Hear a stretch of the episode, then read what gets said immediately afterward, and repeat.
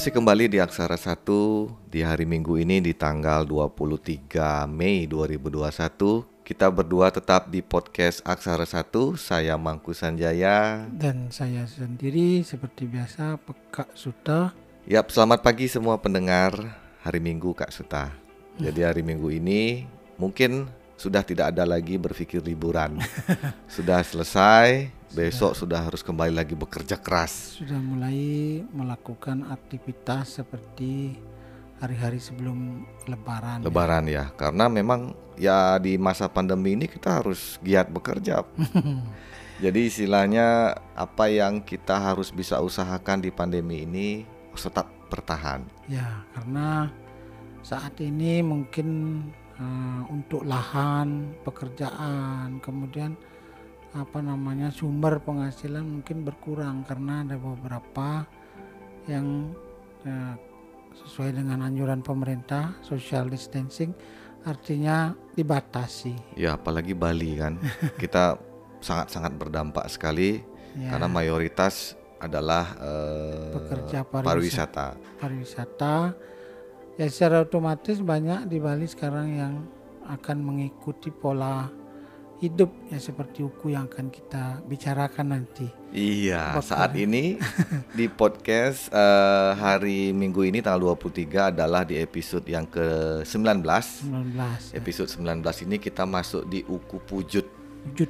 Nah, okay. kembali lagi tadi saya bilang hari ini Minggu adalah hari terakhir libur.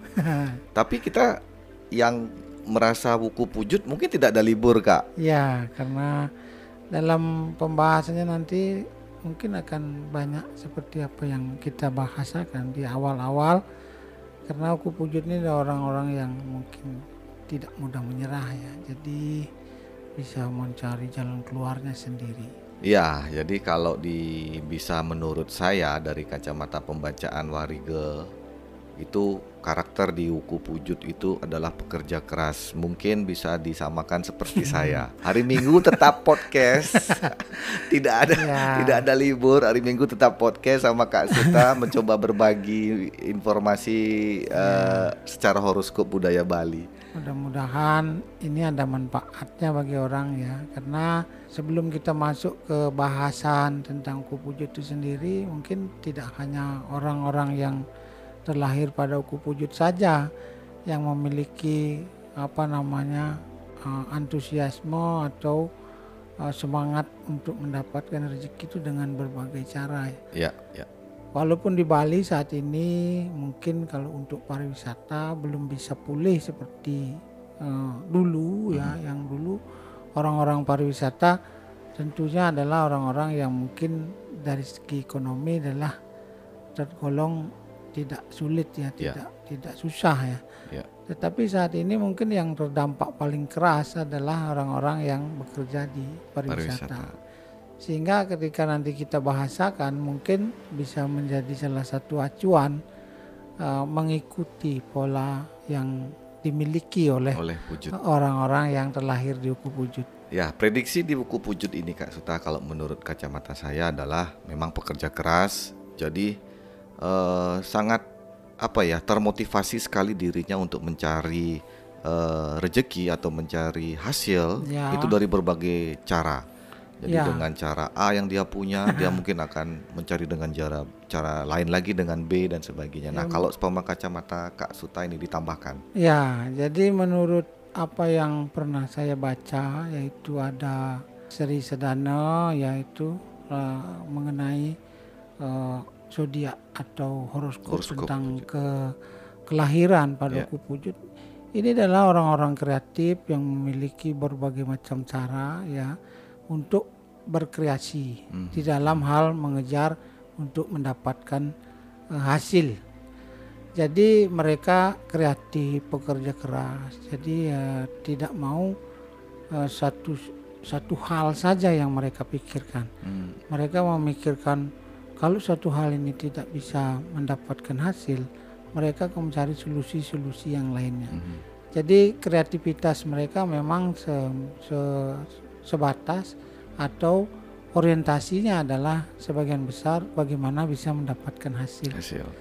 Jadi begitu apa namanya eh, pemikiran-pemikiran orang-orang yang terlahir pada wujud. wujud. Nah, kalau seumpama mencoba dan senang sekali eh, mencari sebuah apa kreativitas Kak Suta. Jadi istilahnya dengan jalan A eh, dia coba untuk kreatif lagi di cara cara B. Tapi saya pernah eh, membaca ada beberapa eh, berbeda sumber kali ya. Ya, Uku wujud itu yang dibilang menjelimet berpikir itu apakah ada hubungannya sama kreativitas? sebetulnya tidak. Kenapa dianggap pikiran mereka? Tapi ini menurut kacamata orang ya. Mhm. Orang-orang yang terlahir kadang di ukhuwah wujud ini dianggap eh, orang-orang yang suka berpikiran eh, di luar daripada kemampuan orang normal. Hmm. Jadi dia kalau dalam berekspresi itu menurut orang, walaupun menurut dirinya sendiri itu adalah hal yang wajar, Ya. hal yang biasa-biasa saja. Tetapi bagi sebagian orang yang tidak mengikuti dan tidak mengerti dan dengan jalan pikiran mereka, mereka menganggapnya orang-orang yang lahir pada kupu wujud ini adalah orang-orang yang suka jelimet, Menjelimet. Ah, orang-orang yang suka berpikiran kadang-kadang tidak rasional ya. Jadi sebetulnya itu anggapan. Mhm. Memang suatu saat kadang-kadang orang-orang yang terlahir di wujud sendiri merasa ketika apa yang dia rencanakan, apa yang dia idekan eh, tidak menjadi kenyataan, dia pun kadang menganggap dirinya kok oh, kayaknya jelimet ya, artinya Iya, seperti itu. Sehingga ada beberapa hal yang eh, mungkin sumber-sumber lain misalnya seperti eh, ada warigo eh, Catursari, ada warigo eh, Gemet, ada warigo Guang dan lain sebagainya menyebutkan dengan versi yang berbeda. Berbeda. Pada intinya itu sebetulnya sama saja. Orang-orang yang lahir pada kubu wujud ini sebetulnya orang-orang yang memiliki pemikiran lurus ya. Dia mereka jujur dan lain sebagainya. Jadi eh, tidak mudah untuk diajak berbohong dan lain sebagainya. Nah, ini cuma terkadang apa yang menurut dia adalah ide besar atau ide yang akan wah begitu ketika disampaikan kepada orang lain atau orang banyak jadi orang-orang kadang susah mengerti. Oh, walaupun uh, menurut dia itu adalah hal yang wajar saja atau atau menjadi uh, ide bagaimana kita dalam hal kayak seperti, seperti sekarang ini ya. Uh, bagaimana solusinya ketika orang-orang penghasilannya rendah. Mhm. jadi ada yang ekstrim membuat terobosan-terobosan baru. Mhm. Ketika terobosan ini menurut orang lain orang yang mungkin uh, apa namanya nilai IQ-nya atau nilai uh, Nalar. nalarnya kurang ya sehingga wah kayaknya nggak mungkin itu. Jadi seperti itu.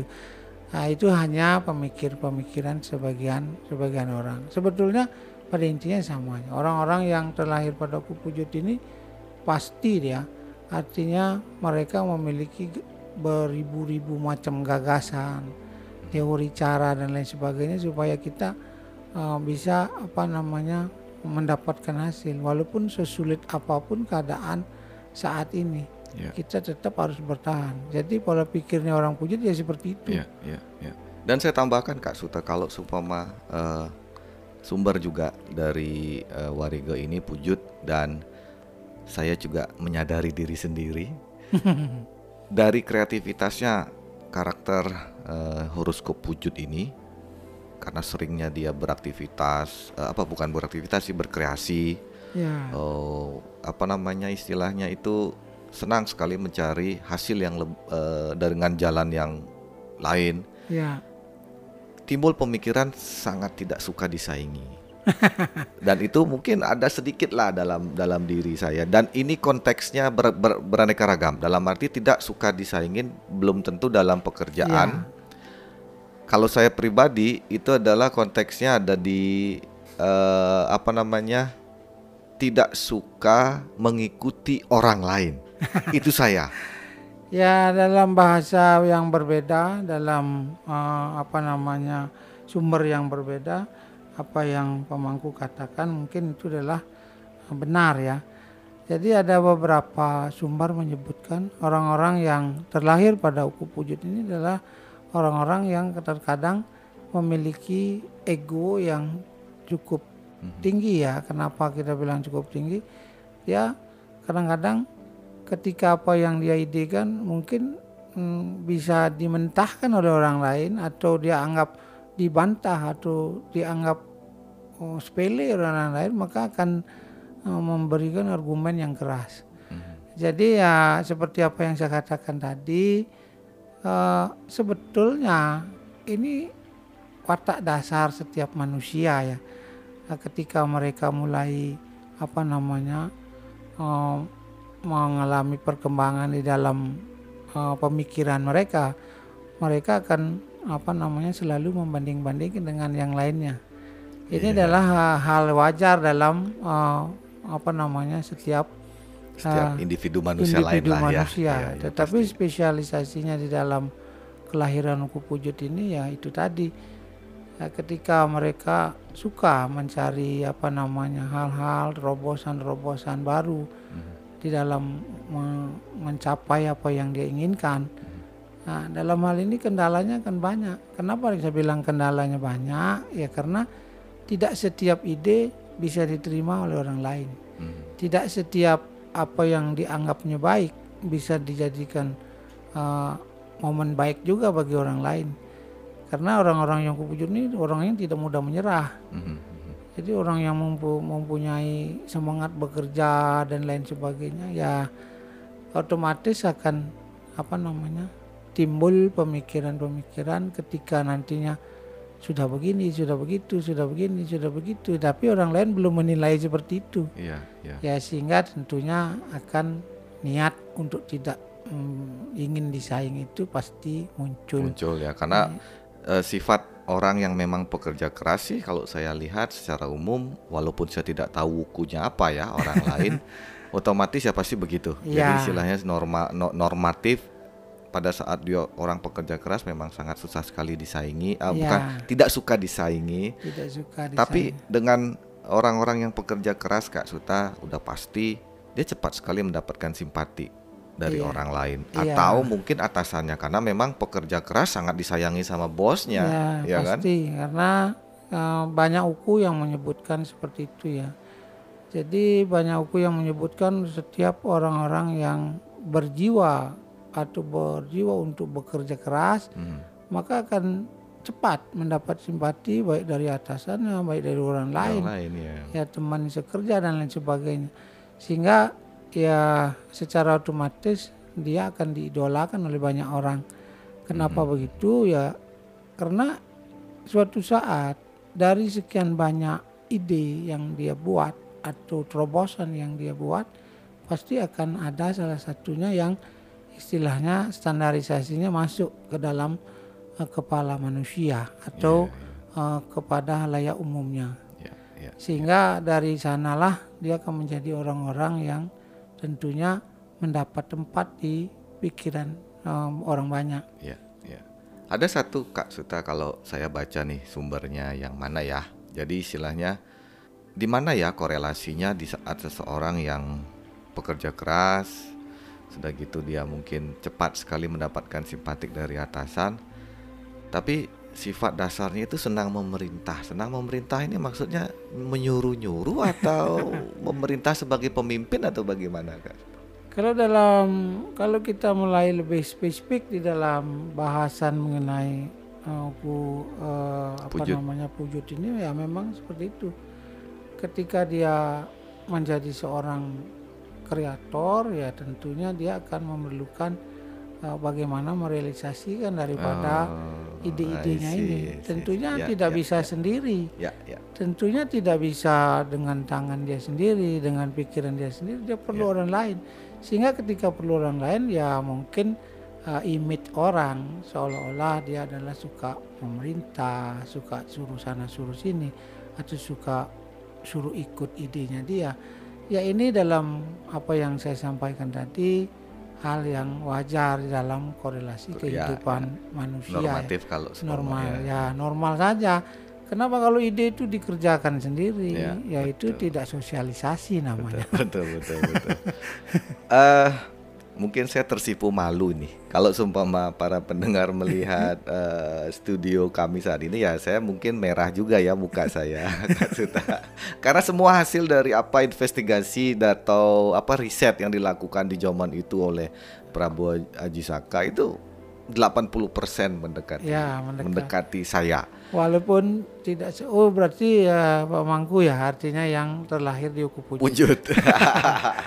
Suatu kebetulan ini kita Suatu bahas. kebetulan saya ada di sini dan suatu kebetulan juga saya menjadi testimoni langsung. ya, Ya. biar bagaimanapun tim kreatif pasti tahu saya sering memerintah memerintah mereka Iya. untuk mencari ini, membuat desain itu. Ya. Jadi Karena kita membagi tugas masing-masing. Seperti apa yang kita sampaikan di awal, eh, kreator tentu akan memerlukan eh, apa namanya eh, faktor pendukung. Ya. Sehingga ketika faktor pendukung ini adalah human atau orang ya, sehingga ya kalau kita tidak perintahkan bagaimana orang bekerja ya. Jadi logikanya seperti itu. Ketika orang yang ber ke- apa namanya kelahiran berbeda, mungkin dia akan merasa segan, mungkin merasa malu atau takut untuk memerintahkan ketika dia punya ide. Mhm. Tetapi ketika dia terlahir di uku Pujut. oh, pujut sendiri tidak ada rasa Dia itu akan leluasa untuk menyampaikan Nah, ya. karena memang itulah karakter, dasar mereka. Ya. Jadi ya, ya wajar saja bukan berarti tidak benar. Mhm. Walaupun orang yang mungkin menurut dia dihormati, tapi ketika memang harus diberikan tugas itu ya tetap mereka menyampaikan, Pak tolong ini, Pak tolong itu, Pak tolong. Ya ini wajar saja karena ya diperlukan saat itu. Betul, betul. Cuman sedih satu hal Kak Suta dalam horoskop pasti orang menginginkan informasi karakter, kesehatan dan ekonomi. Saya sedih masuk ke ekonomi. Ekonominya itu yang Karena bukan kalau- bu- maksudnya pendengar aksara satu itu eh, ekonomi dipujut itu kategorinya cukup. Nah, cukup ini seperti apa gambaran dari penjelasan Kak Suta? Karena cukup ya saya pun bersyukur ya kalau seumpama masuk dalam kategori ekonomi cukup karena pada saat saya menginginkan sesuatu cukup. ya artinya walaupun menginginkan sesuatu. standarnya mungkin tidak bisa seperti apa yang kita bayangkan tapi ketika kita menginginkan itu uh, bisa kita capai Ya. walaupun dengan uh, standar grade yang mungkin belum ya sampai dengan apa yang menjadi tujuan pokok Ya, Kalau saya ibaratkan podcast episode yang ke-19 ini Kak Suta, saya seperti bukan bukan berpodcast sama Kak Suta, tapi berkonsultasi pribadi. ya Oke. Nah, para pendengar Aksara Satu yang masih setia di channel kami, terima kasih banyak dan ada satu yang ketinggalan sebelum saya sampaikan itu adalah di kesehatan Kak Suta. ya, Nah, kesehatan ini yang cukup cukup mungkin saya nggak ngerti nih korelasinya. Mungkin Kak Suta lebih lebih bisa expert menjelaskan karena ada bahaya terkena guna-guna. Ya kan? Wah, ini ke mana ini? Saya masih belum Ya. paham unsur itu dan tapi Kalau- kalau yang saya benarkan eh, di kesehatan itu memang sering shock. Jadi istilahnya orang pekerja keras di saat difitnah mhm. itu memang memang terasa sekali shock tapi kalau seumpama saya pribadi yang memiliki uku pujut shock yang dimaksud di sini menurut saya yang saya alami adalah di sini kadang-kadang emosi tapi mentalnya down. Marah sekali tapi tidak bisa ter marah yang tidak bisa keluar kak Suta. Ya Nah, itu itu kalau dari pribadi ya yang yang yang memiliki uku sama Ya, jadi dari segi apa namanya uh, warning yang disampaikan oleh beberapa sumber ya memang menyebutkan sama aja deh dari satu sumber ke sumber lainnya. ya Jadi yang utama ada disebutkan hati-hati dengan uh, apa dalam perjalanan hidup itu bisa saja terkena oleh Guna-guna. uh, karena orang guna-guna. Zaman dulu itu hal yang sudah disebut dengan magic. Magic magicisasi Ya, magic magic wibiniu Tapi ya ini menjadi acuan bagaimana kita berperilaku ya supaya kita tahu bagaimana tidak menimbulkan ketersinggungan terhadap eh, orang lain. Ketika memang kita harus mengalah di sana diper- diperlukan sifat apa sikap-sikap yang membuat orang lain tidak tersinggung sehingga tidak berpikiran negatif Ya. karena hal-hal seperti itu hal-hal yang sudah berurusan dengan dukun isasi Dukunisasi. nah ini pasti karena Jadi apa semuanya isi sasi kan. ya gitu karena di- ya, artinya mereka sudah mulai tersinggung mulai sudah tersaingi mulai sakit hati sehingga ketika tidak mampu menyampaikan rasa sakit hati ketersinggung dan lain sebagainya mereka akan menggunakan jalan-jalan yang Ya. ya, di luar daripada kata normal ya. Ya seperti tadi dukun dan lain sebagainya. Kalau masalah shock itu sendiri saya ya eh, kategorinya seperti tadi. Kenapa? Ketika apa yang sudah ya wajar saja ya. Ketika apa yang sudah kita eh, jadikan sebuah eh, kalau kota orang bilang ini karena saya gitu Mhm. ini saya yang mengidekan dulu, ini saya yang menjadi kreatornya dulu. Tapi ketika sudah di, menjadi eh, mungkin baik, bagus dan sebagainya, orang lain pasti menjadi menginginkannya. Sehingga dengan cara apa pun orang lain mungkin akan eh, berimajinasi atau berpikir untuk memiliki.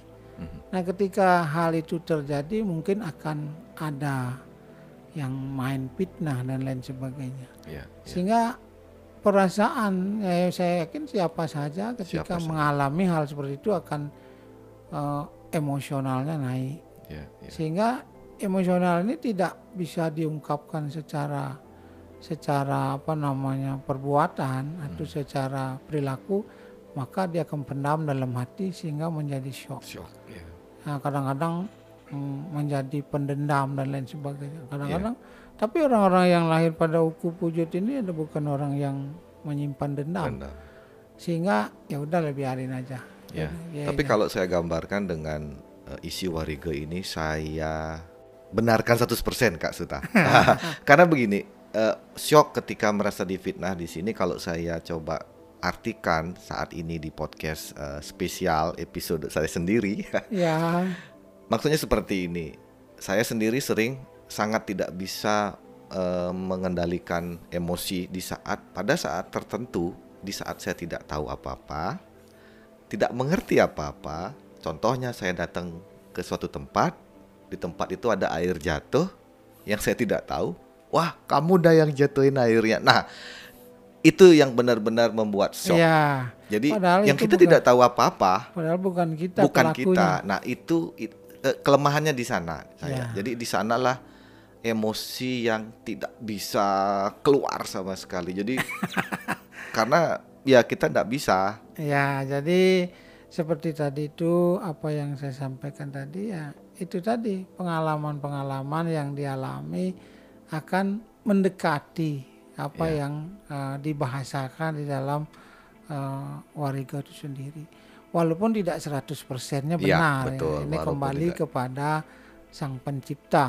Ya. Kalau memang, nah kenapa kita sampaikan eh, seperti ini di dalam pembahasan wariga itu sendiri, tujuan kita antisipasinya adalah, oh ini sudah harus terjadi dalam hidup saya. Mhm. Jadi tidak penting untuk dijadikan apa namanya hal yang spesial. Spesial problem yang luar Ya. biasa. Kalau misalnya orang yang belum mengerti, mungkin ini adalah big problem, Ya.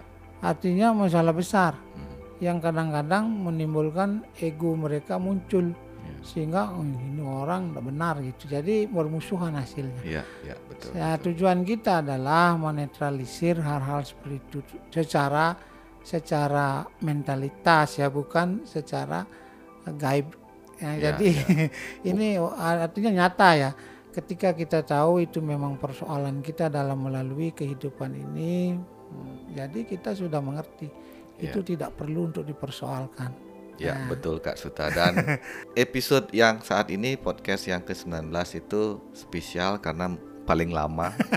Jadi ini bukan podcast, ini adalah konsultasi saya pribadi. Oke para pendengar eh, Aksara Satu di mana pun eh, Anda berada, mungkin ada di Indonesia, di Bali khususnya, atau di luar negeri yang mungkin orang Indonesia yang paham sekali bisa budaya mendengar ya, ya budaya asli Indonesia yaitu dari tanah Jawa. Nah, eh, tetap masih di channel kami dan saat ini yang masih belum tahu kami ada di di Instagram ada di aksara titik satu atau aksara titik satu follow kami dan ikut berbagi di sana ya. Mungkin kata apa namanya tim kreatif kami ada di like lah atau Iya, komentar, lah komentar. atau di share dan share sebagainya dan lain sebagainya. karena nanti di episode episode selanjutnya atau di season kedua barangkali ada dari pendengar itu yang mungkin ikut bergabung di kami Ya. menyampaikan apa ukunya dan sebagainya karena nanti akan spesifik Kita seperti bisa- ya seperti yang Kak Suta bilang tadi ada apa umur per umur ya, Ya, kan hari per ada hari hari jodoh, jodoh kemudian dan ada sebagainya. Kapan hari baik, kapan Ya. hari naas dan lain sebagainya. betul, betul. itu Jadi- prediksi ya Ya. ya bukan tenung Bukan, eh, nah ini bahasa daripada eh, apa yang pernah kita baca. Ya, ya. Oke Kak Suta karena sudah wow, hampir mendekati 30 menit. Kita sudahi saat ini di episode 19 tepatnya di Huku Pujut. Kita akan berjumpa setelah Pujut adalah Pujut Pahang. Pahang, Ya. ya, Pahang. Oke. Eh, sampai ketemu di hari Rabu depan.